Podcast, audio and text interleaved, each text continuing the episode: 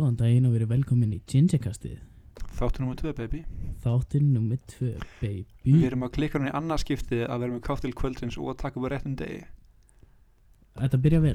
Já, við ætlum að taka upp á lögadaginn en við vorum ekki alveg svona nægilega hvað segja, informed um það sem við ætlum að tala um. Já Og líka bara ekki ástandi til þess að taka upp podcast. Og hvað við ætlum að taka upp í gerð líka nema þú kólaði það off viltu kannski segja af hverju það var? Ég gæti hafa verið svolítið mikið þunnur uh, Ég vil meina það að ég hafi aldrei verið jafn þunnur á æfinni Það kemur ekki óvart. Hvað drakstu marga kamikaze eiginlega? Fjóra, fimm, Þú Tíu. drakst heila flugsveit sko. Þetta var já ég veit. Genið mitt er búið. Jesus fucking Christ maður. Er búldagi búið? Já, Hvernig fórst það? Já, hún drakst líka svona fjóra gin og tónik. Herr, ég mannst eftir því. Ég held að þessi síðan drikka sem þú fækstur í kvöldi og þú ætlar að geta mikið að pressa steina með því að sínum hvernig þú blandar gin og tónik. Mm. og þú blandar í alvörunni ég er ekki sem pínu íkja 60-40 gin á móti tóniki. Það var meira helmingurinn af glasinu er bara gin. Engin klaki og síðan heldur þú bara smá tónik út í það. Já Það er eina leiðin til að draka gen og að það kemur ekki mjög óvart þú hefði verið svona pissfokkin þunnur Já, ég uh, ég var í skelvilegu ástandi. Við ætlum að spila fútbol manager og gæðin sopnaði í stólunum sínum. Já, sopnaði, dó. Við ætliðum að spila fútbolmanager en, en, en það virkaði ekki. Ef það hefði virkað þá hefði ég ekki farið að sofa. Og við sopnaði með einn fokkin leik. Kanski Eh, til að mjög líklegt. En heyrðu, ég var að kaupa með fokkin íbúð. Eða við Marja var að kaupa ykkur íbúð. Mm. Og eins og við kannski heyrður þessi síðast að þetta þá var þetta ekki stórkostlega skemmtilegt ferli. Nei, nema það var eitt sem hefði varst ógeðslega fyndið. Ok. Til þess að skrifa undir allan það sem við vorum skrifa undir hjá eignummiðlun þá þarftu að fylla út ákveðið form sem er til þess að sporna gegn sko peningaþvætti og setja ekki að funda hreyðurkarsamtök það stendur í alvörun á þessu. Þetta er bara til að losa þaunar ábyrði ef þú ert hreyðurkarmaður eða þú peninga Áhugavert.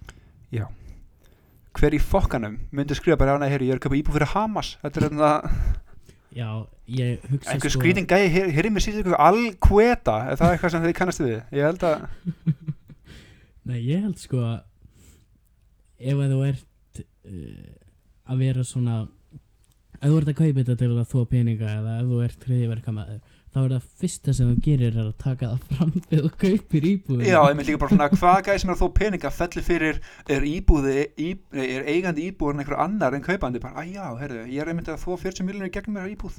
Já, Fokk, þið náðum mér aftur. Ég átti 40 miljónir bara inn á bankabók. Þetta er staðgrisla, sáu þið það ekki? Ég kom til skjald þess sko ástæði sko. Þetta hvíta er hveit ekki kókaðin á seglunum, ég lofa. Hann lofar. Mm Nei, vá, ég vissi ekki að það væri þing. Já, við líka vorum bara, um, ok, við erum 22 ára par. Akkur er fokk með þurfa að þó pening? Og hvaða hriðriksamtök eru á Íslandi heila? Það er öruglega einhver hriðiverka samtök á Íslandi. Það er alltaf einhver sem að kveikir í jólangeitinni Það er ekki hriðrikamæður, það er hetja, Stefán. Ekki lega mömmu minna að heyra þetta. Hún elskar geitina svo mikið. Hún er, hún sko titlaði sig í Þú veist, yfir heil jól í heiti fyrir að verndari geitarinnar. Æ, Fólk má lesi það eins og það vil en mamma mín er frábær kona. En við fórum svolítið að fagna því með hann, svo erum út að borða. Og við förum ekki að þótt borða og tala ekki með þessi ástandi. Þannig ég má gleyma ákveðri típu af fólki sem fer út að borða og það eru konur í færtugt sem fara í vinkonuferð út að borða. Mm. Guð minn fucking góður. Ekki bara gaman. Það ætti, ef það eru þrjár eða fleiri, konur í færtugt að fá sér glas, þá ætti að gefa einn sér herbyggi eða banna þeim fá áfengi. Þetta er háværasti fucking hópur sem ég hef hyrt í. Er það svoleiðis? og þetta er svona, það rampa sér alltaf upp sko, þetta voru mann ekki 6 eða 7 núna. Og sko, það byrjar alltaf að hlæja og þá þarf það að herra og þá byrjar alltaf að hlæja herra en það verður bara svo echo chamber og maður er að fucking geðvikur en að borða þarna. Ég, mér persónulega finnst bara gaman að þessu. Nei, Jú, nei, jú það er sko satt að ung fólk kann ekki að drekka. Nei, nei, nei, nei, fólkið færtut kann ekki að drekka. Kann einhver, já það er fyllt af fólki sem að kann að drekka. En, en það er, ég myndi segja að sko Það er mjög takmarkaður hó- hópur.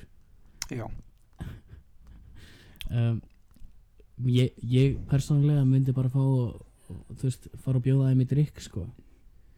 Nei, ég myndi ekki tíma því en, líka ekki það sem ég var, Jésús Kristur og dýrt. Já true hvert fóruð aftur? Hvað var Tavasbar? alveg rétt, já, nei þú ferð ekki, þú ferð ekki að bjóða neinu í drikk þar? Nei, nei, ég skal bjóra bjór heimi á mér það er, það er besta sem þú býður. Já, raunverulega. Um, sko ástæðan fyrir því að við frestuðum upptökunni eða svona eina af ástæðanum var það að við vildum aðeins kynna okkur betur það sem við vorum að fara að tala um í dag. Og við ætlum að fara úr þessari mjög lighthearted umræðu. Ég verið svona aðeins þingri yfir í aðeins þingri og persónulegri umræður kannski. Að við, við ætlum að raunverulega að tala um sko andlega heilsu ungra kallmann á Íslandi í dag. Og sjá til, það er margt sem við Stefán við erum ekki kvalifætt að ræða. Við erum kallmenn, við erum hvítir, við erum ófallaðir jú, jú, ég er örfendur en ég held að tellist ekki með. Ah, 10% en þetta er eitthvað sem við höfum sko fullan rétt til að tala um þar sem við erum akkurat á aldurspilinu sem eru í hæsta áhættu hópnum varðandi bara, já, Já, sem sagt ástæðan fyrir því að við frestuðum var aðalega það að ég vildi aðeins uh, kynna mér bara tölfræðina. Og Já. hún er sláandi. Já. um, kemur ekki orð Karlmenn eru 3,5 sinnum líklegri að deyja út af sjálfsvíi heldur en hvern menn og 19 á hverja 100.000 sem er þú veist það er ekkert rosalegt þegar þú ert að gera reikningstæmi en þegar þú ert að tala um sjálfsvíg ungra kallmanna á Íslandi og ungi kallmenn flokkast undir 15-24 ára að 19 á móti 100.000 er rosaleg tala. Aðeins hátt, 19 hátt myndi ég vilja segja. 19 á hátt, algjörlega. Og sem sagt þessi áhættu hópur 15-24 ára kallmenn um, við höfum báðir tilheyrt þeim hópi svolítið svolítið lengi núna 7 ár 22 ára. og við erum að vera slapnir við erum að vera slapnir, við erum, við erum alveg að vera slafnir en svona við höfum báðir reynslu á andlegum erðuleikum og sálfræði hjálp og annars konar hjálp. Og svo hefur við báðir upplifað svolítið svona samfélagsstaðla og kannski ekki upplifað en fylst með uh, bæði í gegnum Instagram síðuna Karlmennska. Þetta frábær segja, ég ætla að segja að ég vildi kynna mér aðeins líka betur bara málefni sko, hann ég skoðaði það mikið og ég hef alveg sendt ofta á hann að spjalla aðeins við hann sko Já, Þorsteinn er alveg, hann er frábær sko og hann er að taka fyrir málefni sem að ég held að eh, það er ekki margir sem myndi þóra að taka þetta málefni á. Nei, mitt, og alltaf ég er ekki alltaf sammálunum, ég skal alveg viðkynna það sko. Nei. en ég, held að, ég, ég hef rætt um það við hann sko og ég skil líka alveg stundum til að komast einn metrar áfram þá þarf maður að sparka frá sér tveim metrum sko. Já. Og það var einn af póstunum sem að svona let mig hugsa mest frá honum var þegar hann var að telja upp hlutina sem að ef þú ert hvítur, já. karlmaður, hvað þú þarft ekki að díla við. Ég, ég spjallaði hann við hann út af einmitt þessum pósti sko, senda á hann að rætta þess við hann um þetta og þetta er eitthvað sem að maður pælir aldrei í. Þetta er líka svo fyndið er að hann hefur örugglega fengið ógæslega mikið heit fyrir þetta. Með að við að næstu tveir pósta var hann basically að segja bara hei, ég er ekki að segja að þið díli ekki við neitt skilur, ég var bara að benda ykkur á en sko, sem kannski er rót vandans að í staðin fyrir að taka já, sk- taka til sín þá tekum þetta inn á sig sko. já það er nefnilega svolítið stór partur af vandanum held ég. Og svo líka hef ég oft séð þú veist að það hafa verið umfjallanir um þessas Instagram síðu á Facebook og svona. Og kommentakerfin er ekkert að djóka sko. Nei, bara- svikara bara Já. fu- já, fucking bara- Uncle er Tom bara, þetta er bara viðbjöður og ég er rosalega hrifin af málefninu sem hann er að styðja út af því að það eru þessir samfélagsstaðlar sem að kannski er ekkert rosalega áberandi en þegar þú fer að pæla í þeim að þá eru þeir svona þá eru þeir augljóslega til staðar. Og líka sko það má, það er líka gleymist, það er ekki bannað að vera ósamála það má ekki bannað að vera með umræðu og það, það er ekki bannað aðeins gaggrina en bara þetta hatur sem að fæði sko. Já, af því að það að benda forréttindi er ekki að gaggrina eða ásaka neitt skilu, það er bara að benda á að þú hefur að betra þessu leiti það því er ekki að þetta að díla við neitt sko. Nákvæmlega. Og að, úr því að vera ekki að díla við neitt þá eru þetta oft þessi hópur ungur kallmenn á Íslandi sem eru um að díla við alveg heilan fucking helling. Já, og svona einmitt póstar og kannski geta verið tólkar rángan hátt tólkar Já. þann hátt bara, hefur, sjá hvað þú hefur gott. Nei, það er ekki að vera að pointa það út, skilur Nei, það er kannski verið að pointa fyrir eitthvað út hvað annað fólk hefur það ekki gott. Ekki endur kannski jú, er náttúrulega einhver leiti verra, skilur mm -hmm. en bara benda þér á hluti sem þú kannski þekkir ekki á því að díla við og kannski þú ert hjálpa með ef þú áttaði á því, sko. Já, eitthvað sem að sem hvítu kallmaður þú ert ekki þú þú þetta ekki svarta hvítu skilur, þú serðið þetta ekki beint fyrir fram að þig út af því að þú ert ekki að pæla í því nei, mitt, og svo þegar þú serð svona post og ferð að pæla í því og ferð að hugsa eh, eins og fyrir mig, ég bara bara haka nýr í gólf og bara vá, ok, já, ég skil. Já, það voru svona punktum að bara, að já, fuck, þetta er bara hárétt Já. Og sko einn af umræðapunktunum sem við erum með skrifaða niður hjá okkur er toxic masculinity. Já, mér langar einmitt að tala um það. Og endilega. Sko, ég fyrirfram einn ástæður því að við töfum líka var því að ég vildi ekki tala með raskætinu og að því að ég þekki náttúrulega ekki nákvæmlega skilgreininguna. Þannig að ég fór hans þannig og mér líkaði ekki velvita hugtak fyrir þannig að þess vegna vildi ég aðeins skoða það og fá skýri myndi þessu, ég komst bara því að mér líkar ennþá verfið það núna eftir það af því að, þú getur vel verið að þessi rámtæmi sko, en mér finnst það svo ótrúlega óskýrt og illa skilgreint af því að ég fann raunverulega tvær niðurstöður á því. Svo fyrri var Wikipedia skilgreining sem ég sá ekkoa mjög á mjög mörgur stöðum sem var að með þessi eitra kallmennska er þessi hugmyndafræði að það að beita ofbeldi kynþátt að bæði nýð og bara svona sko kynferðislega bara áreitni mm -hmm. bæði líkamlega og með orðum og homofóbía að það sé ekki kallmennska mér finnst það ekki vera kallmennska, mér finnst það bara fucking hálfvitaskapur. Það er auðmíkjaskapur að veist flokka það en því kallmennsku finnst mér svo obskjúra það sem er raunverulega eitru kallmennska og með því að böndla það saman þá finnst mér að taka fókus frá. Hinn skilgreiningin var sem ég var alveg sammála það var einmitt að, að hætta þessari endalur teipa keppni sko. Mm -hmm. sína svona aðeins meiri blíðskap og vinarleika bara já, sem ég er alveg sammála upp á vissu marki skilur að einmitt að getast þú veist að því að ég þekki ekki persónulega allir mín vinnahópar hafa alltaf verið mjög supportive sko. En ég get alveg ímynda mér um mjög mjög vinnahópar séu endalaus bara hvað þau hímingi eftir mér heitir þessi mm, að geta stegið niður og bara hei ok, líður ítla vel tala maður skilur já. en þetta, þetta með eitra kallmennsku að mér finnst vanta svona separation af því að það er svo mikið af eiginleikum í oft kallkynns samböndum sko og vinsamböndum sem eru ótrúlega eitruð og skrítin. En að flokka þau undir undir sama hatt og ofbeldi finnst mér svona pínu þá eru að tækla mismunandi hluti á sama nafninu sem ég skil, veist, ekki alveg sammála. Ég er alveg samanlega því og þetta er svona sko skilgreiningin sem að mér þetta er alltaf í hug þegar ég heyri toxic masculinity er er þetta þessi stað alltaf þú verður að vera harður, þú verður að vera töff skilur við, þú verður að þú mátt ekki sína tilfinningar þú átt ekki að fá þér plástur þegar þú skerði og þér á að vera alveg sama pínu.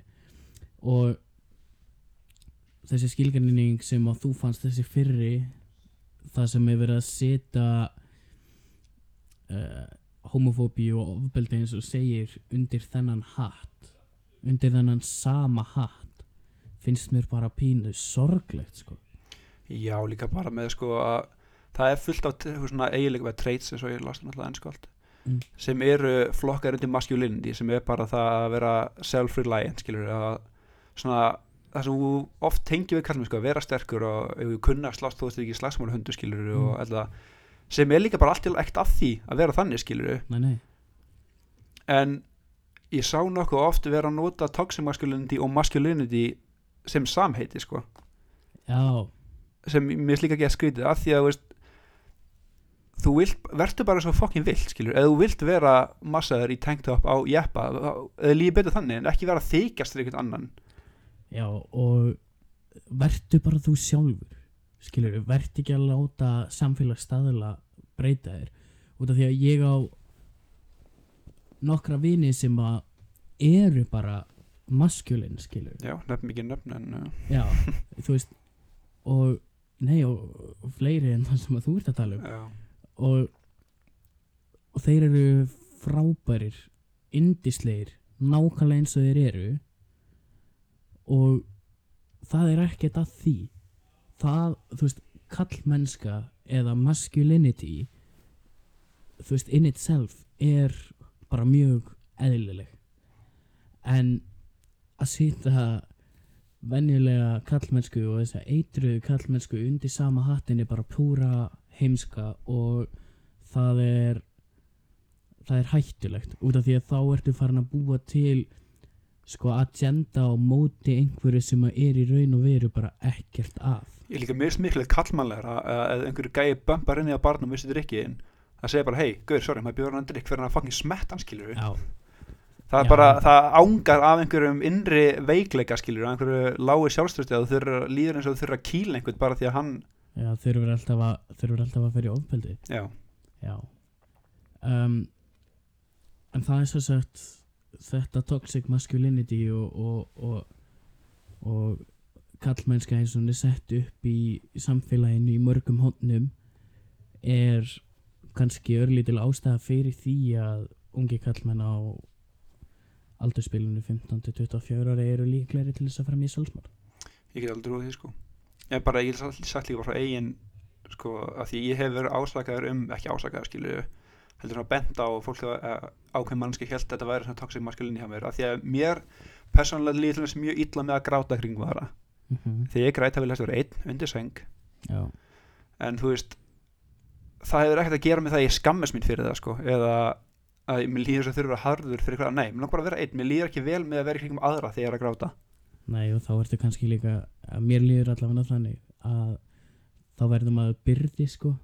Og fólk þurfa eitthvað að koma að hugga mann og já, og oft er það líka þannig að fólk veit ekki hvernig það haga sér að maður fyrir að nei, nei og ég er alveg samanlegaður ef ég fer að gráta þá vil ég helst gráta einn. Já, það er bara miklu þægilega einhvern veginn. En mér finnst það eiginlega verra kringur aðra því þá líður mér eins og þau þurfa að setja einhvern front annarkvæmt að gráta harðar eða láta einhver öðru sem að því er að gráta ég er þá getur ég bara að láta pjúra verið sjálfu sko. þannig er ekkert alltaf að þykast þeirra harðar nei, svona líðum bara líka það er líka svona alltaf lægi bara að tala ekki um hlutuna sko. þó að mann líði illa í vinnhópnum sem vill maður bara vera með öðrum gæjum skilur og láta sparka hans í sig og vita að vinniðin er svo sami það, það er ekki alltaf að tala um allt alltaf hlutuna skilur stundum er hjálpilegt og stundum viltu bara smá normalsi sko. ég er ekki alveg samanlega því að það fyrir eftir því hvað það er sko því að þú veist stundum vilt ekki vera að deila þínum uh, persónulegustu hlutum. En að mörgu leiti ef þú ert grátandi yfir því og ef þetta er að hafa mikla áherslu áherslu um, mikla mikil áhrif mikil áhrif já, Uh, hafa mikil áhrif á, á andlega líðan þín þá finnst mér að jú, þú er að tala um já, já, en eh, sko, kannski ekkert endilega alltaf við, þú veist, viniðina eða vinkonur, kannski bara við mömmuðina eða pappaðina ef þau eru til staðar eða, eða þú veist, sískinið þitt eða, já eða bara einhvern, þú veist. Út af því að ég hef bara lendið því sjálfur að vera svolítið að halda tilfinningunum fyrir mig og það endar stundum ekki vel fyrir mig persónulega. Nei, það er reyndar alveg rétt sko. En bara svona, það sem myndin var nú aðalega að það er oft talað um og einmitt á kallmjössinu minnir þessi póstur um þetta að úst, að vinnir eftir að vera duglir að tjá við hvort annan skilur tilfengar sínar sem er alveg rétt, en mér finnst sko frekar þannig að þið finnist eins og þið geti tjá tilfinningar sínar sko. Það er náttúrulega mjög mikilvægt að finnast að þú getur gert það. Um, og það er kannski uh, það er kannski með því mikilvægara að vita það að þú getur tjá tilfinninga einar til vina þeina en mér finnst líka mikilvægt að þú getur tekið skrefið í að actually fara að gera það. Já, eins og við höfum gert fyrir hvern annan margóft já, ég, svona, já, ég fíla ekki þetta hugtak eða svona, þetta er flott hugtak og þetta varpa ljósi á mjög alveglega hlut sko, en mér finnst það oft vera að nota fyrst mér röngu samhengi sko. Sammála.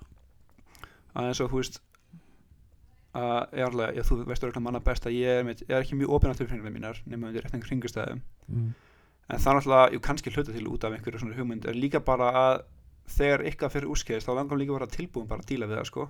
Já. það hjálpar heldur ekki að fucking brotna niður við eitthvað einasta mótleiði skilur Nei, að geta bara að suck it up í smástund og síðan tala um það setna eitthvað sko. Já, ég er algjörlega samanlega því. Þú, en kannski er þetta bara heimski hvíti kallmöðurinn í mér hver veit.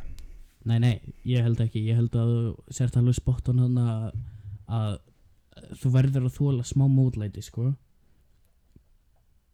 en mér finnst það að vera mjög mikilvægt að vita hvenar hvenar þetta er ekki lengur bara smá mótlæti og, og að þekkja tilfinningarnar þínar sjálfur mjög vel og það vel að þú vitir hvenar þetta er innan gæsalapa eðlilegu niðurtúr eða hvenar þú ert komin út í eitthvað sem að þú sjálfur ræður ekki við. Já. mér finnst það mjög mikilvægt út af því að að vissum á vissum tímapunkti verður þetta getur þetta orðið miklu, miklu, miklu erfiðara fyrir þig einan að díla við heldur en þú gerir þig grein fyrir. Hann er bara svolítið sko og bottle up er ekki mjög góður síður held ég, Nei, maður það springur á endanum sko og Það er oft beinist spurningin af manneski sem áður bara ekkert skilið sko. Um, við viljum opna okkur aðeins eða svona reyna það í dag og tala um okkar eigin reynslu gera okkar best andlegum- allan að tappinu skrúa svolítið fast þannig að við sjáum Já. hvernig þetta fer. Uh, okkar eigin andlegum örleikum og um, ef að þú vilt byrja? Ef að það er eitthvað sérstætt sem að já, hvað er alltaf að byrja? Bara history bara. Já, bara tala um þú veist já, bara þína sögu á andlegum örleikum sko, náttúrulega í þessu samingi þetta fín, fín segway sko en að finnst alltaf mín svona saga af andlir hilsu vera þannig að ég get ekki talað um hana sko. Og þetta tengist ekkert endilega kallmennsku heldur bara svona andlir hilsu almennt sko. Mm. af því að það hefur verið fólk í kringum mig sem er söfrað miklu meir en ég og ég hef alltaf verið ja, mænur og ekki mænur finnst aldrei hafa ég ég aldrei hafa haft það nógu skýtt til að réttlega það að kvartum það sko sem er punktur sem að ég vil koma inn á. Ég er glæður að sagði þér þetta ég stinglimd að ég ætla að segja þetta. Hætt að bera þína vanlegan sama við já, aðra. nákvæmlega. Ef þið líður illa þá líður fokking illa. Já, það er, það er engin skali, það er engin engun eða eitthvað margt sem þetta ná til þess að til til að officially líði illa skilur nei, en það er svolítið, já þeir sem þekkja mig ákveðlega vita til þess að ég er ekki mjög hrifin af grunnskólagöngun okkar. Nei. en það er svona engin ein, eh, engin ein ástæði fyrir því engin ein manneska sko um olli, þetta var bara svona blandað því að ég var ekkert super vinsæll og ég var ekkert mjög framfærin heldur sko. Þannig að ég einhvern veginn átti ekki svona alvöru vini fyrir að setna í skólagöngunni og samt sem móður þá var ég svo gladur að losna í burtu sko. Og ég held svona að það fyndi að horfa eftir og fatta bara já, fuck, ég er bara ókslega þunglilur þarna en það var slúið þannig sem leita á veist, áttunda og nýjunda bekk held ég bara að ég langa ekki að vakna mótuna Mm. ég fór í skólan, kom beint heim laðist upp rúm, var í símanum allan daginn og síðan kannski eina saving grace var ég á handbólta þannig þurfti að ríða mig upp á kvöldin til að fara á æfingu sko. Ég ger ekki neitt og það segja svona skrítið að segja það og hlusta og líta aftur baka bara svona, já, fuck, þetta var ekki í lagi sko. Og hún mamma hann eiga það, hún, hún spottaði þetta sko og hún eiginlega plataði mig til að fara til sálfræðing sko sem var síðan eftir að haukja bara stórkustlega okkurinn síðan fer ég í Kvennó og jú, ég eignast alveg mjög flotta vinið sko, en, en ég var aldrei að fíla námið eða skólan eitthvað þannig. En það, alltaf, það var ekkert krökkar með kringa því ég eignast bara já, segi, mjög góða vinið í bekknum mínum. Það er nú verið þetta kærasta mín. Mm. en ég man bara, veist, ég var í hjá sálfræðingi í tvö, ekki þrjú ár eftir grunnskóla, ég byrjaði í tína bekk og síðan bara alveg fram í annar bekk í mentó sko. Síðan á eftir annað árið, sumarið fyrir þriðja árið þá tek ég svona að gætla bara síðast sálfræðtíman í byli og pappi býði mig frá Dale Carnegie ræðum betur aðeins um það eftir Mhm. en það er mitt hjálpaði alveg rosalega sko. þá einhvern veginn allt innu um leið og andlega heilsan batna þess að fyndi að heyra það þá allt innu var það allt aðeinslega aftur þetta var ekki skólinn, þetta var ekki krakkarnir hann er ekki að líndum mér að hefði verið stabíl í grunnskóla, það hefði verið miklu betri minninga það sko. bara að upplega hvað allt var bjartar og skemmtilega við þegar maður líði vel sko. Og þá mitt var allt ég ætla að frábært aftur sko. og síðan þá hefur hann aldrei verið nálægt í slæmt og í grunnskóla en bara eins og flestir kannski aðeins meira hjá mér en eðlektir myndum við að segja ég fæ ég svona seflu sko það sem ég er rosalega, rosalega dán og langar bara ekki að gera neitt og langar bara að sofa og eitthvað en síðan fæ ég eins og milli bara líka sem allt er frábært sko. Þannig að já, það er svona mín raunverulega saga. Já. Um, Vel gert. Takk maður. Um, Ég held að það er hitt á þetta kannski sem mér langar svolítið að pikka í hér. Bara go ahead. Um, Þú talaðir um seinasta sálfræði tíman í byli já, Hefur eitthvað farið síðan? já, já, já. Ok. Ég sem sagt byrjaði að hitta út af smá kvíðvandamálum síðasta sumar held ég alveg regla uh, ekki sem sagt núna sumar heldur í fyrra þá fekk ég rosaleg kvíðaköst. Og þessi var bara svona já, blanda af ýmsum ástæðum. Ok. Náttúrulega nýbyrjaður í svona, hvað, fyrsta langtíma sambandi sem ég verið í og svona. Já. Mikið að nýju þáttum hann ég fekk alveg brútal kvíðakast sem já bara hamlaði mig frá vinnu í tvotaðarleikum við sko sem var einn er, erfað sem ég gert af því að ég er svo rosalega íslenskur að því leiti er ég fyrir vinnuna saman hvað er að mér Já. ég hef kert, já, ég segi það kannski, allavega og það var rosalega skrítið að taka sér, vinn, þú veist, taka sér frí frá vinnu þegar var ekkert að þér, eða hugsunni var að það er ekkert að þér sko um, Já Góðu punktur já. en þá mitt fór ég að kvíða, með fyrir stöðuna og hitti sálfræðing það sem er fucking æðislegur, Ok. okay. liðbúlmaður líka Áfram Já. Og búin að hýta hann reglulega á svona fyrst vartalega á þryggja veikna mánuða fresti bara. Ok.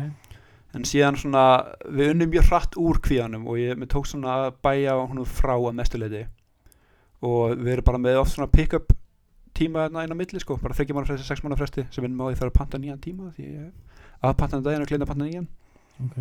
En það er einmitt það sem ég reyna alltaf líka að segja eins og við bara fólk kringum mig þegar þau eru að tala með að líða illa eða eitthvað bara, veist, fara til fucking sálfræðings. Já kannski komin aftur inn á það líka eftir. Já, við gerum það svo sannarlega. Um, Þetta var svona stóra spurningi mín. Þú segir um, Við tölum alltaf betur um Dale Carnegie á eftir En þú segir að mamma þín hefði svolítið spottað þetta hjá þér og plataði til sálfræðings. Getur þú farið eitthvað nánar út í það? Því að ég skil hvað meinar En það er ekki allir sem að þekkja mömmu þína. Já, meina, hvernig plataði með það? Já, bara þú veist hvað Hvernig Hvernig hún áttaði sig kannski á þessu og, og, og hvernig hún fór að því að plata þig eins og þú varst þá. Já, sko, þegar sonuðin liggur upp í rúmi í 16 tíma á dag það er svona pínu red flag fyrir einhverja sem hafa stöðið að svona hvað það, barna og úlingarsálfræði, sko. Já. að það voru eftir að higgja svolítið skýrmerki að mér liði ekkert rosalega vel, sko.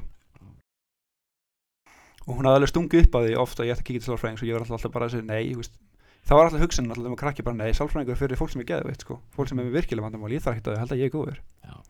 og síðan maður ekki hvernig nákvæmlega fór hún var bara svona, já, einhvern veginn þeir sagði þetta bara, nei, mér langar að fara, það er ekkert að mér, skilju, ég er ekkert geðveikur, sko bara nei, það er ekkert geðfólk sem veitir sálfræðin, skilju, ég fyrir oft bara þarna, til að spjalla, skilju og ég er bara, já klukkutíma að bara ræða með einhvern þannig ég fór actually með því attitútu ég ætlaði bara að spjalla með einhvern, ekkert um vandamálin mm. og to her credit þá var sálfræðingur sem ég fór til rosalega flink. Og svona yfir nokkra tíma kóksaði mig í að tala um sko. Já, og svona eftir að tíma áttum bara, já, herru, ég er pínu fokkt í haustum þetta, kannski þarf ég að halda sko. Ég þakkláttur fyrir að þú hafi farið. Við sko ég líka, Já, það er gott. Viltu koma að einhverju fleiru eða? Ekki bíl allan ég vil heyra þína your side of the story núna. Það er ekki margir sem að vita þetta en svona frá sjötta bekkur þá var ég gríðarlega þunglindur og út frá þunglindinu kom rosalega kvíði í þokkabóti sko. um, ég ætla ekki að pinpointa þetta á neinn svona einn atbörð, ekkert frekar heldur en þú. En þetta var á þeim tíma svona svipað svipið staða hjá mér í grunnskólanum var það ég átti ekkert mikið alvöru vinum skilur ég gerði eins og þú ekki neitt. Ég upplifði mig svolítið eins og ég hafi verið laður í einelti svona horfandi tilbaka þá var það kannski meira miklu vinalegra en mér fannst þá en ég var pínu lítill ég var easy target og hérna já, mér leið rosalega illa og kennararnir sem ég fekk í 7. og 7. bekk gerðu ekkert fyrir mig bara hjálpuðu uh, náttúrulega reyndu að hjálpa, sig, að hjálpa mér eins og þær gátu sko en það er áttu mjög erfitt með um, mér leiði rosalega illa og svo í 8. bekk þá fór mér að líða betur og fekk nýjan kennara uh, sem að var með mér í 8., 9. og 10. bekk sem að gerði ekki bara vel í að hjálpa mér persónulega heldur hjálpa hann öllum bekknum einhvern veginn að þroskast bara á tveimu vikum sko mér fór ég að finna þú veist, mér fór að finnast ég að fleiri vini og últ að milli þá átti ég fleiri vini sko. En það var samt svona innantóm tilfinning einhvern veginn alltaf. Og svona e- eins og það sæti einhver á brjóskassanum á mér. Alltaf. Og ég átti rosalega erfitt með að gera hluti út frá eigin svona eigin frumkvæði ég gerði ekkert nema einhver annar ætlaði að gera það líka og ég gerði ekkert nema einhver saði mér að gera það þú veist, ég var bara að býða eftir að geta gert eitthvað til þess að þóknast einhverjum öðrum út af því að ég vildi að fólk myndi taka eftir mér þannig sko. það var þú veist, 8. 9. 10. byggur bara þú veist, came by and went skilur tíundu bekku var reyndar eiginlega bestur af öllum bekkjanum í grunnskóla öllum árunum en þú veist mér leið betur án þess að fara til sálfræðing sem ég talaði reyndar helling við ráðgjafa hjá skólanum. Fór til hans einu sinni í viku sem var svona low key sálfræði tími en hann var aldrei sálfræðingur Það er mitt og sem sagt þegar ég byrja í mentaskóla uh, kannski kom að því að ég sótt um í Kvennó með þér. Jöp og komst ekki inn og var, ég var með mjög góða meðalengun en árgangurinn þú veist var bara með hærri meðalengun veldur en vanalega þannig ég komst ekki inn. Og endaði að fara í fjölbrytaskólan í Breiðalti og þú veist fyrsta önnin var frábær. Ég kynnti svo mikið að nýju fólki og þú veist að þessu fólki eru góði vinir mínir enn í dag sko. En eftir fyrstu önn þá fór allt niður á við andleg heilsa um, líkamlega heils, heilsa og bara einhvern veginn svona ég ætla ekki að segja geta en veist, ég bara mér langaði ekkert að mæta í skólan bara aldrei. Veist, það var engin undantekning. Mér langaði bara ekki að mæta í skólan og það vestnaði og vestnaði sem að enda í því að í næstu því tvo og hálfan mánuð þá fór ég ekki út úr húsi mér leið svo illa. Ég var bara lokaður inni talaði ekki við neitt þú veist, með kveð fyrir því ef að ég þurfti að fara að sækja litla bróðum minn í vinnuna. Þú veist, ég var bara búin að búa til fyrir sjálfa mig svona personal hell sko. Og þetta var á þeim tíma sem að ég og þú vorum ný orðnir svona virkilega góði vinir sko. Og þú komst reglulega til mín en með hvað alltaf fyrir því og ég var ekki þú veist, jújú, ég var spenntur að fá því í heimsókn en ég var ekkert spenntur að fá mannesku inn á heimili mitt skilur hvað ég meina? Og þetta vestnaði og vestnaði að því að þeim punkti að ég var bara farin að íhuga alls konar ljóta hluti sko. Af því að þegar maður, er komin, þegar maður er komin svona djúpt þá finnst manni maður vera svo mikil byrði. Og maður fyrir að velta fyrir sér hver er tilgangurinn og, og af hverju er ég að vakna mótnarna skilur ég geri hvað sem er aldrei neitt og þú veist ég er ekki að gera neitt fyrir neitt ekki einu svona sjálfa mig skilur og þetta var meira hefur aldrei líðið verð líðið verð, tölum íslensku hérna. Og þetta var svona hugsandi tilbaka þá sé ég þetta bara undir svona sko gráu, dökkgráu skýi allt þetta tímabil. Og þetta endaði með því að mamma kom og talaði við mig og sagði mér sko að hún hefði tekið vel eftir þessu og mamma og pappi voru báð, bæði alveg frábær þegar ég var að díla við það sem ég var að díla við í grunnskóla. En þá talaði ég líka miklu meira við þau um hvernig mér leið. Núna, núna eins og mér leið þá þú veist, í mentaskóla og eftir þetta slömp þá var ég bara hættur að tala við þau um þetta, bara algjörlega. Og það var ekkit út af því að það var ekki maskulin eða whatever. Það var bara ég vildi ekki vera byrði á þau svolítið. Sem er svo fucked up hugsun sjálfur sér það sko. er ógeðsleg hugsun. Þú ert aldrei byrði ef þau líður illa. 99,9% af fólki vill hjálpa þér. Um, og ég áttaði mikið að því. Ég vildi ekki sjá það. Endaði á því að mamma kom að talaði við mig og sagði Stefán minn, líður þér eitthvað illa? Og ég bara brotnaði niður. Og ég bara sagði henni, sagði henni allt eftir að hafa haldið kæft í svo langan tíma þá loksins einhvern veginn opnuðist flóðgáttinnar sko og maður springur endan sko Já, og mamma náttúrulega hafði miklar áhyggjur, miklar áhyggjur, allan tíman. En hún var að býða svolítið eftir því að ég myndi peka sjálfa mig upp og hún hefði séð mig gera það áður. Og ég gata ekki. Ég gata ekki peka sjálfa mig. Þannig að ég og mamma settumst við eldursporðið og fundum sálfræðing. Og á þessum tímapunkti var það fyrir mér eina leiðin sem að ég gatt séð fyrir mér að mér myndi líða vel eftir væri að fá professional hjálp og það var eftir mjög langan tíma að neyta því að ég væri þess virði að fá hjálp og fyrsti tíminn hjá þessum sálfræðingi var rosalega erfiður bara skil það ógeðslega vel sko. Já, og hún var alveg indisleg, hún var frábær. En mér leið svolítið eins og ég væri komin í svona confession.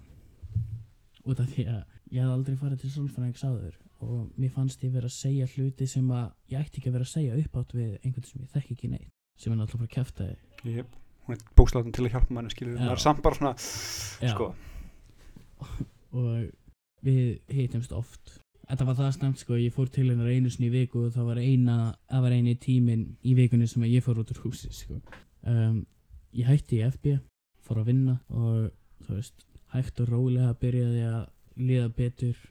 Og það sem ég áttaði mikið á með sálfræði og sálfræði hjálp fyrir en ég fór að fekk sálfræði hjálp var það að þú þarfst að gera rosalega mikið af vinnunni sjálfur. Þér er bara leiðbeint af fagmanni og fagmaðurinn gefur þér eða sálfræðingurinn gefur þér öll þau tól sem að þú þarft til þess að framfleyta sjálfur þér og þú verður að hlusta og þú verður að gera. En kannski mikilvægast þú verður að segja frá. Út af því að þá veit hún eða hann með hvað hún er að vinna. Og ég svona byrjaði að batna. Kvíðin var alltaf til staðar sko. Þunglindið byrjaði að batna. Svo byrjaði ég aftur í skóla og fór í flugvirkjun svakakall og hérna, mér leiði ekki vel fyrstu tvær vikunar, bara alls ekki. Mér fannst ég bara ekki eiga heima og ég fann svona eins og þetta væri alltaf að koma aftur einhvern veginn. Svo kynntist ég fólkinu sem ég var í náminu með og við fórum að tala miklu meira saman og vera miklu meira saman. Og þú veist, var upp í skóla ofta að læra bara til öllu á kvöldin mætti klukkan hálf átta og, og myndaði rosalega sterk tengsl sem að hafa að miklu leiti síðan þá hjálpað mér. Hjálpað mér að það hefur hjálpað mér að eiga góða vini. Ekki það að ég tali við strákana á skólanum um, tali við á um hvernig mér líður heldur það að, að eiga góða vini sem að ég veit að ég gæti talað um vanlegan mín við. Bara vita að einhver grípir mann sko. Já. og ef þú fucking nýtur og dettur skilur þá er alltaf einhver sem getur bjargaði sko. Og ég efast ekki um það að hver einn og einasti af þeim myndi vera þá. Það var svo ofbáslega reassuring tilfinning og að vera komin inn í svona hópa fólki og þið líkar vel við alla og þú ert að stunda nám sem að ég, hef, þú veist, akkur er ég að tala um einhvern annan? Ég er að stunda nám sem að ég hef gríðarlega ástriðu fyrir. Ég er ofbáslega spenntur fyrir framtíðinni núna og svona með ofbáslega eða ekki ofbáslega en með breytt og gott og stert safety net. Gott fólki kringum mig og sko síðan síðan svona oktober 2018 hefur mér liðið bara, hefur mér liðið bara virkilega vel andlega. Og hérna það er bara veist þetta er ekki þetta er ekki sprettlaup sko. Það tók mér svolítið tíma að átta mig á því. Þetta er marathon. Þú þarf að vinna að þessu bit by bit. Þetta er fucking Iron Man keppni sko. Já, og sko ég ætla bara að segja það hér ef að ég gætt komið mér upp úr minni vanlegan þá geta annars til því allir. Ég var það langt farin að ég var farin að hugsa ótrúlegustu hluti eitthvað sem að ég myndi aldrei myndi aldrei flögra mig núna. Um, og það var bara þú veist, þú og náttúrulega vinnur okkar og vinnur mínir í skólanum sem að svona endanlega refu mig upp úr þessu. Og ég vil meina að sálfræðingurinn minn hafi staðlega rosalega að þessu út af því að það var eitt sem hún sagði sem ég gleymi aldrei. Og það var að hún, hún spurði mig flatt átt ertu að umkringa þig með réttu fólki? Hvernig er fólki í kringu þig?" og á þeim tímapunkti var það bara fólki sem ég var með í skóla í FB sko. og mikið af því að mikið af þeim eru indislegt fólk en ekki fólk sem að ekki fólk sem er endilega gott fyrir mig persónlega, skilur hvað ég meina? Já, og hún sagði basically það er bara komin tími til en þú farir að hugsa svolítið um sjálfa þig. Og Finn- ég, eins og ég, tók það rosalega inn á mig og það er ég hefur alltaf verið miklu meira svona hugsa um fólki í kringum mig og ekki til að reyna að spila það hvað ég er eitthvað góður gæi eða whatever en ég hef alltaf verið svolítið fólki í kringum mig come first. Ég- og þú líka. Og ég þurfti bara að læra það að leifa mér svolítið að vera í fyrsta sæti stundum sko. Það er líka fyrir að minnast á það sko það var það var kvót sem ég sá sem mitt breytti minni svona ásýnd á hvað fólk er í kringum rosalega sko. Og það var be where you're celebrated not tolerated. Geggjaði punktur. Bara vertu Svo með fólkinu sem vill hafa þig ekki vera með fólki sem bara þú veist er Já. bara alls sama sko. Já, en það er svo miklu hotlara fyrir mann að vera í kringum fólk sem actually hefur áhuga hvað gerist sem þykir væntu þig heldur hann að hanga með ykkur liðu bara því það gerir þig cool eða skilur já, eða þú heldur að það gerir þig einhverju betri manneski eða flottari manneski eða eitthvað, nei, verður bara með liðinu sem þið líður vel með og, veist, actually, já, vill hafa þig, fagna þér, raunverulega. og þetta er rosalega góða punktur út af því að það að vera tolerated er rosalega niðrandi Það sko. bara óþólandi, það, það dreinaði einhvern veginn, bara allir Já. lífsorku vera, Já. þú finnur það bara þegar fólk nennir ekki að hafa er alveg sama hvað þið sér eða ekki, sko. já, og maður finnur það rosalega mikið og maður, og maður veit það en samt heldur maður á Já. skilur þetta var eins og við vorum nú fjórmenningar í grunnskóla Já. Og við vorum svolítið við vorum svolítið svona celebratory Já. yfir hverjum öðrum sko Pínu. en mikið af hinu fólkinu sem að við umgengumst þar vorum við svolítið tolerated eða ég allavega En það fannst mér bara, þú veist, talin þetta skilur, öll grunnskóla, mín, öll grunnskóla ganga mín var bara, ég var tolerated, ég var hvergi einhvern veginn celebrated. Nei, Það dreinir maður svolítið rætt, sko. rosalega Og þú skrar þetta sem comedy podcast, ha? Já, ég vil byggast fyrirfram afsökunar því út af því að um, það var eiginlega ekkert annað í bó- boði yfir það sem að við gerum. Og það er ekki sem heit introspective, eða?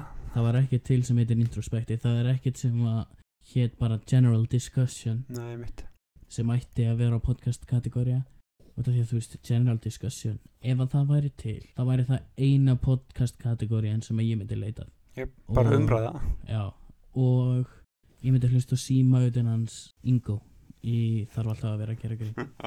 Það þarf alltaf að vera grín Já, maður. Heyrðu, ok, þetta var, hú, yep. thanks for sharing with the class. Nei, ég er alveg að tala, þetta er alveg, yes. þetta er brútal, sko. No Takk fyrir að deila. Sömulegis Uh, já, við ætlum svona að fara næst í mitt hvað hjálpa okkur, þú ert náttúrulega búin að stíga djúfturinn það við eitthvað meira svolítið bæta við ferli sjálf, sko. já. Já. Uh, einn punktur um, það hjálpaði mér rosalega að taka erfitt skref og það var það að á þessum tíma bjó ég sér sagt í viku og viku heima hjá mömmu og pappa og sko ég veit ekki alveg hvernig ég á að segja þetta sko. Mér leið bara ekki vel heima hjá pappa og það voru alls konar ástæði fyrir því sem ég ætla ekki að fara djúft inn í. En mér leið bara ekki eins vel heima hjá pappa og ég gerði hjá mömmu. Og það var þessar ástæður null af þeim voru pappa minn. Þannig að en ég ætla ekki að fara dýbr út í það. Nei, ég er náttúrulega tengislega eins og bara, þetta er öfustæðið það mér, sko. Já, um, það kom pappa mínum ekkert við.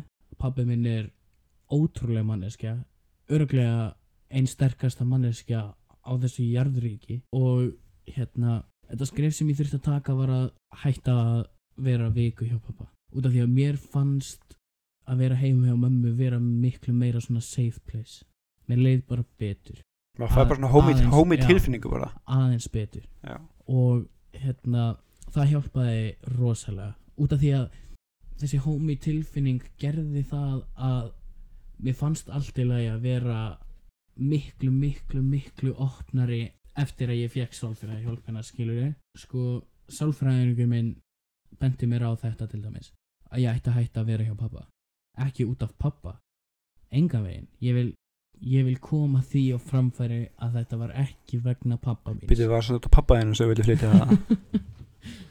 Nei og eftir að ég gerði það þá fekk ég náttúrulega meiri og meiri hjálp frá henni varandi hvernig ég ætti að veist, bara hjálpa sjálfu mér í rauninni. Og það var bara miklu auðveldara heima hjá mér já, skiljanlega kannski einhverju leiti og það var kannski, það var erfiðasta skrifið sem ég tók í þessu öllu saman. Já, mitt En þú, hvað hjálpaði þér í gegn svona mestu leiti? það voru bara uh, svo mikið combination af mörgum faktorum sko, að sjálfræðhjálpin náttúrulega augljóslega er fyrst og fremst það sem komið í gegnum þetta sko. og ekki bara það að hjálpa mér andlega heldur líka það bara gerðum svolítið klift að læra betur á sjálfa mig sko. bara hvernig ég fungera, hvernig hausunum fungerar hvað var að, hvað þarf bæta hvað þarf ekki, eins og um mann bara gaf mér eitt verkefni. Var bara, heyrðu, ok, eignast bara einn nýjan vin í þessari viku, ekki til að vin bara að tala um einhvern einn nýjan. Og ég voru á tveir og síðan alltaf fattum bara, já, hú veist að því mitt vandamál var alltaf að koma mér á framfæri. Ég var alltaf gæinn sem kom aldrei nefnum að vera bóðið það var alltaf, og mér leiði alltaf eins og burden einhverstað sem ég vissi bara, mér leiði alltaf sem fólk vildi ekki hafa mig. Þannig að það, að það átt að segja á því skilur að það er alltaf læg sem að mæta OMB-in skilur eitthvað, það var hjút skref. Annað var að byrja í háskóla var einhvern veginn, ég veit ekki svona af hverju það var. Það var bara að koma sér nýtt umhverfi bara að fá að byrja fresh skilur, eftir salfræðhjálpuna allt skilur, fá bara að byrja, á clean slate. Og ég myndi eignast að vera frábæra vini það sko. Þannig að það er mjög góð vinur minn í dag. En ég held líka að sko svona eitt stærsta revelationir var svona, já, í lók þrjí árs kvennó versus eða bara á að byrja í HR, það var einmitt að hætta þóknast öðrum sko.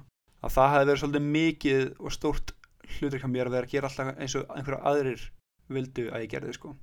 Fara í góðan mentaskóla, ná góðum yngurum skilur, ekki drekka, ekki, ekki gera þetta, ekki gera hitt skilur og aðeins að bara sparka tilbaka og segja hvað langar mér að gera? Ok, mér langar tattoo, ég með tattoo, cool ok, mér langar að drekka þetta, ég ætla að hafa með að drekka bara. Ég ætla að hafa, ok, fínt, þá verið að djama það að vera alltaf að sko, býða eftir að prúfulega frá einhverjum öðrum að gera eitthvað, það tekur svo rosalega á og, og bæla því svona niður, hann hefur leiðið að ég komst í háskóla, þá fekk ég bara run wild, alveg gjössanlega frjáls. Og tók það kannski full langt ef maður hreinskilin, en það er að það er þáttu fyrir sig. En það hjálpaði mér alveg rosalega, bara fá aðeins að expressa sér sjálfan og segja fuck it aðeins smásend Ég er ánægur að segja þetta því að ég, þetta er náttúrulega eitt af því sem að hjálpaði mér líka þetta nákvæmlega að hætta þögnastöður bara vera maður sjálfur sko. Já. Um, Já, hald áfram. Já, og síðan síðasta sko sem hjálpaði mér sem lókar að staðum er Dale Carnegie. Ok, og ég fór á Dale í oktober, hætti 2016 minn mögulega, já. Það er sem sagt þegar að byrja þriðaðarinu og það var rosalega gott fyrir mig á þenn tíma. Að því leitið mitt að það svona hjálpaði mér líka sko í samblandi við sálfræðtíma hjálpaði mér að opna mig ennþá meira að þurfa að koma á Dale skilu einu sinni í viku og bara performa raunverulega fyrir framann 40 manns. Mhm. er rosalega svona, ok, það relífa mann af stressinu að vera í hringu fólk, það ertu bara hann góður. Klára það námskeið og þjálfa síðan í janúar árun eftir. Og langar að landstaka umræðum til að því að og áður en ég byrja og langar að segja bara að þetta er frábært námskeið. Ok, ég á ótrúlega mikið af mjög góðum vinum þann og ég meina tveira mínum sem er til svona mínu nánustu vinum kynntist ég á deil sko. Já. Sem ég þjálfaði með og var með á námskeiðinu sko. Já, en það sem ég veist hættulegt er svona þegar ég lít aftur á þetta þá finnst mér umræðan kringum þetta oft líka að vera pínu hættuleg sko. Af því ég leiti að og aftur ég má segja, þetta er aðeinslistofnun og þetta er aðeinsli námskeið en að mér fann sko maður þetta fara hans dýbra hún í sjálfan sig. Að hvað er leiti að sko mér veist oft deil vera að selja sig sem laust frekar en tól að því mér upplega þannig og svona eftir að higgja að sjá það sko að það hjálpa mér rosalega þetta var fínt tól en það var alls ekki laust að um, þetta er meira svona vaft í 40 frekar en einhver alls er að viðgerð sko. Ok, frættu mig hans meira því að ég ég kann ekki á Carnegie ég bara þekki fullt af fólki sem hefur farið á Dale Já. það hjálpa mjög mörgum. Augljóslega. Já, nákvæmlega. Og það er mjög gott fyrir en ég bara, ég séð oft talað um þetta og þá ekki endilega af deil sjálfu sko. En bara það er svona umræðan í kringum þetta eins og þetta sé bara einhver life changing experience sem kannski er fyrir einhverja. Mm en svo fyrir einhvern sem var með andlega heilsu þá hjálpaði þetta í svona loka skrefunum sko. Já, en þetta læknaði ekki neitt raunverulega. Nei, ok. Ég nefnilega hef tekið eftir því að þetta hefur ofbúslega oft verið markitað sem laust út af því að ég íhugaði að fara á Dale eftir að þú fórst á Dale já. og ég, mm. ég myndi alltaf að mæla með því að fara á það skilur en bara ekki halda þess að lækna allt sem er að því sko Nei, það var svolítið þannig sem að ég upplifði þetta óbeint í gegnum þig sko og það er ekki út af því að þú sagði þér það heldur bara sko breytingin á þér en það var komst því svo setna að var út af því að þú varst bara duglegur að gera það svo áttir að gera og, og maður er bara adrenalín sjokki líka skilur í hverju viku sem spara Já. marga daga þannig að ég hef aldrei hef aldrei einhvern veginn séð deil talað um öðruvísi heldur en einmitt laust og sko, eh, ok, málið er þetta er lausn ef þú ert nú þegar introvertaður og vilt læra að koma þar á framfæri. Þú ert er lausn ef þú ert lélur að setja það markmið eða fara með kynningar eitthvað, þá er þetta lausn en það sem ég gleymist oft í umræðin um þetta ég veit þetta smá út út úr, úr umræðinu ég vil bara, mér finnst mér finnst það þegar að tala um þetta að eins og með sálfræði þá þarf líka að gera alltaf vinnuna sjálfur sko. Það að skrá sig á þetta og fara í gegnum þetta er ekki endilega að fara að laga allt skilur en ef þú leggur þig fram við þetta þá hjálpar þetta svo miklu meira sko. Góðu punktur vegna þess að ég þekki þig og ég veit að þú gerðir alla vinnuna og ég veit að líka út af því að þú breytist aðeins eftir þetta. Sko og þú breytist mikið til hins betra út af því að ég þurfti ekki lengur að kynna þig fyrir fólki. Þú varst farin að kynna þig sjálfur sem að mér fannst sko æðislegt að sjá. Og he he. og það var líka þetta sko ég veit ekki hvort að ég sé að bylla hérna endilega leiðréttu mig ef ég er að því. En mér finnst bara að fannst sjálfströsti sjálfströsti þitt vera betra, vera meira eftir þetta. Og ég veit ekki hvort ég sé að ljúga eða ekki eða hvort að ég hefði lesið eitthvað vittlust í það. En mér fannst það bara svolítið á þér hvernig þú varst farin að koma fram. Var að þú varst bara með meira tröst á sjálfur að geta komið ekki endilega rétt fram heldur bara að geta komið þér fram Já, sko það er alveg rétt að sumuleiti en náttúrulega ástæður því að tala um þetta er að því að, já, þetta hjálpaði mér. En ég áttaði mig líka á því nokkur haugur setna að þú veist þó þetta hafi hjálpað mér þá læknaði þetta ekkert undirleikandi ekkert, veist, það sem var að mér var ennþá að mér nema bara ég hafði önnur tól til þess að díla við það sko. Já, ok. Og um leið á kikkið svona fóra aðeins úr manni þá þú veist, þetta breytir engu í manni heldur þetta hjálpaði þér frekar en að, ég sagði, þetta er tól, þetta er ekki lækning. Ok. Ok, áhugavert. Ég held að þetta sé ég held að þetta sé mjög góði punktar hjá þér. Ég bara, ég, sko, náttúrulega og líka ástæðan því að tala um þetta er að því að ég hefði svo viljað að þið hefði kafa aðeins dýpra. Mér finnst það rosalega yfirborskent tími sko, og þetta kannski þarf að vera það upp á sko, marketability. Já, en mér fannst ég að fengi miklu meira út úr þessu þegar maður kafa aðeins dýpra þá hefði þetta ekki haft sjensi að snert eitthvað sem gæti þá ekki lagað eitthvað sko. En til þess að sko skjóta því aðeins aftur að þér um, Er það hægt? ég held, eða, sko, ég held ekki á volunteer námskeiði sko. Nei, hel, ég held nefnilega þú veist, ég veit ekki mikið um deil en ég veit að þetta er svona þú veist, þú þarf að standa fyrir fram að fólk og tala og eitthvað ef þú værir að fara dýpra þá værir að díla við 40 mismunandi vandamál kannski. Já, og svo er þú veist það er allt annað og ég segi það af reynslu það er allt annað að standa upp og tala um eitthvað sem að þú er búin að undirbúa eða, eða ég veit ekki alveg hvernig þetta fer fram þegar þú ferð upp og talar. En ég hugsa sé allt annað að tala um það sem að þau útbúa fyrir þig eða það sem þú átt að útbúa heldur en að fara og tala um einhver vandamáli eða, eða að fá fólk til að kafa dýpura út af því að fólk er á mismunandi stöðum Já. andlega og það eru bara ekkert allir undirbúinir í svona þannig að ég vil endilega eða sko mín spurning til þín bara út af því að þú hefur reynslu af þessu á tvo mismunandi máta heldur að ef þetta væri sett svo leiðis upp að það væri hægt að fara dýbra þá held hann að ég vissum að það var mjög áhugavert að sjá það sko. En ætti það þá kannski að vera annað námskeið? Eða svona já, önnur tegund ég gæti nú alveg trúið sko, kannski aðeins vera, öðru í þessi þjálfara eða eitthvað. Já, en bara þetta alveg í bland við sálfræðitíma væri fullkomið sko, eins og ég upplifði þetta. Já, ok. En þetta kemur ekki í stað fyrir fannst mér allavega kom ekki, kom ekki stað fyrir en kannski einhverja svínvirka það sko, ég er, það ekki. er, er það svoleiðis sem að þið talað um þetta svona eins og þetta ég að vera í ekki, staðinn fyrir ekki þeir sálfræðitíma? sjálfur, nei Nei, ekki ég veit að þeir samtökin gera sjálf, ekki sko. sjálfur sko, en bara en stu, þegar ég hef heyrt skilur bara, ætlum að prófa að fara á deil skilur, hvað gerir það ekki, bara að því að það er ekki Ok, já, lausni við ég, þessu ég skil, ég skil, ég skil um, þess eitthvað að meira? fannst mér þið þurfa að vera að koma inn á þetta skilur að ég er ekki hérna bælið frá þessu þetta er ógætla skemmtilegt Já, þetta er ótrúlega upplifun og þetta bústar alveg sjálfstöðstíðist ef þú ert bara duglegur í þessu. Mhm, en ef þú ert að leita þér að lausn við undirleikandi andlega vandamáli þá myndi ég kannski frekar leita mér sjálfræðast og frekar en að ok, reyna að kaupa þetta þarna sko. Ok. Eitthvað fleira sem þú vilt koma að í, í svona ljósti þessari umræði Nei, ég held ég að bara koma inn á allt sko.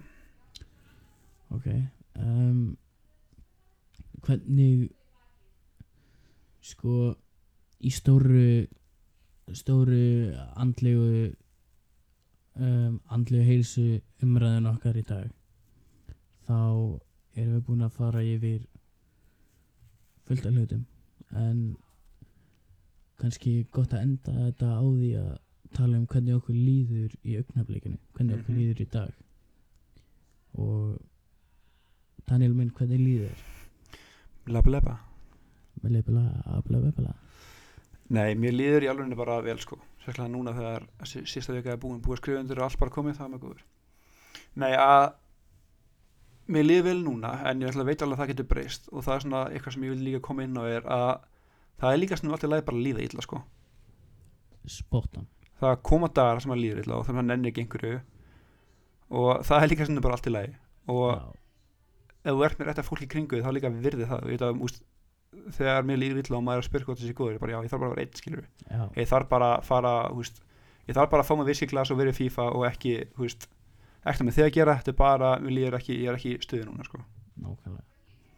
ég, tek alveg dagar sem líður ekki stórkostlega og mér er bara að gera svona daginn þegar talandi um að vil ekki gráta frá neitt skilur ég voru með ólæsfyrði þá bara sætti ég í pottinum og á fjallarhingin sko með, með drikki hendir og ég fór bara að hágráta þetta var svo fallegt sko. Mm.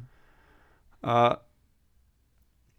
þó að koma með sorgi við þig eða þegar líður illa, það er líka bara fínt eða veist, ekki fínt, það er líka allt í lagi bara. Já, það er nefnilega það þýðir ekki að segja að þér, það er bara, bara mennskur þegar þið líður illa. Nákvæmlega. Það er eitthvað sem að ég ætla akkurat að koma í minni hvernig líður þið núna. Umræði er að það er alltaf lægi að líða illa. Um, er eitthvað sem þú vilt bæta meira við svo fyndi ég vera alltaf miklu tilfinningavæmnar í glasi sko. Já, ég hef svo margir verið að slags með þennar glasi. Ég verð bara soft bitch þegar ég verð að drekka sko. er, þú verður mjög krútlegur. Nei um, Sko tala þau um kallmennsku Nákvæmlega. Soft bitch. Um, Það eru alls konar hlutir sem að er sko að líða illa og að líða illa er ekki alltaf sami hluturinn líka. Nei, þú veist, já, er þetta situational slæmi dagur, bara eitthvað down under the weather eða er þið búin að vera konstant líða illa í tvær vikur skilur já. Það er, það er stóra spurningin. En samt sem áður þá ekki að breyta því hvernig tala við eða hvað við gerum skilur ef við líða það illa eina, eina dag þá að sjálfsögða á maður leita sér hjálpar að tala eitthvað sko. Algjörlega. Eitthvað, eitthvað sem að þú vilt bæta við? Sko fyrst til um kallmennskur í byrjun og það kom annar punkt sem kannski tengist ekki okkar sögu beint. Ok. En mér varst fucking sláandi að sjá hversu margir til þessi ekki eiga marga góða vini eða maður nógu marga góða vini. Hvað er það? Ég misti alveg því. Þetta var, ég man ekki, ég las ekki nákvæmlega sko en ég hef heyrt þetta ekko og líka bara ég sé þetta ég rannsókn í bandaríkjónum mm hvað bara meðal fjöldi vina ég fólki er bara að droppa sko. Af því að sko ég, eins og ég hef alltaf verið það heppin að vera með öflutt stuðningsnett í kringu sem ég sko.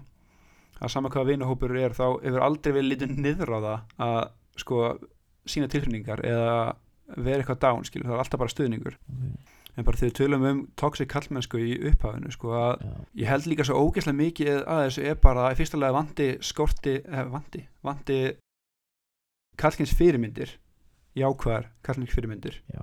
Og í öðru lagi líka bara að eiga góða vini sko, að eiga vin og eiga góða vin tala um að vera celebrated not tolerated er ekki það sama Já, sko, Svo satt Það er einhvern sem kólaði út þegar þú ert með stæla skilur og einhvern sem Já, og einhver sem að einhver sem að er til í að fýblast með þér alveg endalust Já. en svona when it gets down and dirty þá er viðkomandi þar til staðar fyrir þig. Og svona, ég ætla ekki alveg að segja þú veist, myndi taka byssukúlu fyrir þig en svona fuck nei. Ef þú komst til stöðunast út skotin þá er þeir að kenna ekki mér. Algjörlega. En um, ég hef ekki séð þetta sem varst að tala um þetta eða heyrt þetta. En sko í fullkri hreinskilni þá kemur það mér ekki óvart. Nei og kannski líka þetta eitthvað sem er að stuðla að þessi tölfræði sem við þölum myndum í byrjun sko. Já, ég held það nefnilega. Ég held að það sé bara nákvæmlega nákvæmlega svoleiðis. Um, svona í seinasta í seinasta lægi kannski. Ja, með setni lögunum. Já, uh, að tala um sko þér líður vel svona almennt. Í augnum líkinu bara já, þú átt daga sem að þér líður ekki eins vel Jöp sem er fullkomlega eðlilegt og ég er bara nákvæmlega eins. Nákvæmlega að spyrja einu, að um þetta líka. Ok, Þegar þú átt með slæma þetta, ertu með eitthvað svona pick me up, eitthvað sem skilur uh, hjálpa þér að komast í gegnum það, kannski eitthvað sem við snertum ekki alveg á. Er, veist, er eitthvað, þegar þú vaknar að finnast tilfinningu, er eitthvað sem þú veist að þú getur gert, þú þekkir nógu vel til þess að ef þú gerir þetta eða veist, byrjar á einhverju eða gerir eitthvað þá líður kannski skarra já það er alltaf eitthvað sko og það eru mismunandi hlutir á mismunandi dögum. Stundum er það bara, stundum þarf ég bara að hlusta á góða tónlist og koma mér svona í gýr skilur eins og við Mhm. komum inn á í senasta podcasti með skálmeld um, stundum er það að bara þykjast í smá stund og mæti vinnuna og vera brosandi frá hann í alla skilur og, og sína gott viðmót og einhvern veginn vona það að þau komi manni í betra skap. Já, það er svolítið algeng uh, algeng aðferð hjá mér og síðast en ekki síst, síst þá tala ég í alvörinni þá tala ég bara við mömmu eða þig eða, eða eitthvað og bara þú veist ég er ekki búin að eiga góðan dag þú veist, ég var að gera eitthvað? Ég var, Jú. þú veist ég heyri bara í þér og viltu, þú veist Taka podcast. koma í bolla ef að byrja að taka upp tjinsukastið eða yep. á ég að rústa þér í FM Við ætlum að finna með þetta sko að ég finn alltaf hjá mér mitt lýsir sér langmest núna í því að bara í nenningininu, mér langar bara að liggja niður og gera ekki neitt. Þannig að svona mín mitt meta sem við þessu, það er bara að sérstaklega þegar ég er mjög langt niður eða ótrúlega kvíðin eitthvað, það er að distrakta mig og koma einhverju verk að gera bara eitthvað, eins bara eins lítið og sitja inn á þvottavel, eða bara raka mig. Já, það var strax um maður að komplisar einhverju, já, þá ætti strax komið jákvæða feedback lúpi skilur hausinn og þá svona aðeins getur bara, ok, já. Ég er reyndar á leinivó og það er, cocaine nei. Gítar, Úf, svaka kall. Enn og eftir um, ég á það til að kipi gítarinn líður illa. Ég á það til að kipi gítarinn á alveg sama hvernig mér líður og alveg sama hvað en ég finn svona ég fæ svona ekstra út úr því kannski ef að, ef að það er ekki alveg allt í lagi. Hefur mitt svona og þá mitt accomplisha accomplisha ég eitthvað. Þú veist, læri nýtt lag eða, eða sem eitthvað eða, eða skiptum strengi eða whatever, skilur er bara svo ógeðslega mikilvægt að þekkja sig. Það vel að þannig að þú veist, þú sér þetta einhvern veginn coming sko, og ég vil þó svo ekki að vita að það er eitthvað sem þú gripi í sem allan að hjálpa þig sko. Já, algjörlega. Og, og ef að það er ekki nóg, þá er líka gott að vita því að þú ert með safety net. Og þú ert ekki einn í þessu, þú það er svo mikið af fólki sem líður eins. Já, þú ert aldrei einn og það dæmið enginn þóði lífið illa sko. Og by the way, ef einhver gaur að dæma þegar lífið illa, þá er það líklega ekki vinniðinir Nei, það er nefnilega akkurat það. Um, kannski að sko umkringdu þig og þetta er besti punktur sem ég gæti gefið þér. Umkringdu þig með fólki sem að upphefur þig. Sem bara líði vel með, já, mitt, sem Já. upphefðu þig. Já, umkringdu þig með fólki sem að liftir þér upp eða þið liftir hvort öðru upp út af því að stundum á maður til að staðna með vinnum sínum. Jöp, og stundum á maður til að sökva og maður þarf bara stundum að vera rosalega brutally honest við sjálfa sig og segja bara hei, hvað eru vinir mínir innan gæðsalappa vinir að gera fyrir mig? Út af því að þetta kemur aftur að því að setja sjálfa sig í nummer eitt. Þið þykir rosalega vænt um þetta fólk. En er þetta fólk eitthvað sem er að fara að breyta, breyta hlutunum fyrir? Be where you're celebrated, not tolerated Búm. Já, þetta var svolítið þungu þáttur hjá okkur. Um, Næsti þáttur verður Candy Floss og Cocaine Þannig að uh, Nei, við erum ekki alveg Nei. nokkuð hvað næsta umræðefni verður En Nei, um, við vildum bara svona aðeins leið ykkur að kynna okkur betur. Já, opna okkur aðeins Inn í svona- okkar hugarheim kannski. Já, opna okkur aðeins þannig að Þannig að ef þið hugsa einhvern tímann Vá, þessi gæri er fucked Já, nú veitir þið okkur Já. Um, Ef að þið líður illa ef að þú ert ekki á þeim stað sem þú vilt vera ef þú ert kvíðin, ef það er eitthvað að fáðu hjálp. Fá hjálp, engin skömm því. Nei, settu þig sjálfa þig í fyrsta sæti og umkringdu þig með fólki sem að upphefðu þig. Yes sir. Og já. Við erum sko við veitum ekki alveg hvernig þessi þáttu kemur út Við sko. mann áttu pæling að gefa hann út bara þá á, sem hjá okkur er á morgun. Já, eða næstu ykkur, sjáum aðeins til með það. Já, út af því að kannski vika sena senasti þáttu kom út. Já. og kannski er einn dag. Eitt efer, það kemur ljós. Út af því að við svona erum ennþá að vinna í, í uh, dagskráni Við kunnum ekki fucking dagatal Nei, það gerum við ekki. Svona að lokum þá vil ég þakka ykkur innilega fyrir að hlusta. Yes. Og þakka þér fyrir að koma. Já, bara takk fyrir að hafa mig Já, alltaf gott að hafa þig. Við vorum að heyrist í næsta hætti Já, það held ég. Takk, já, takk aftur fyrir að hlusta. Og eða frábæran dag. Ú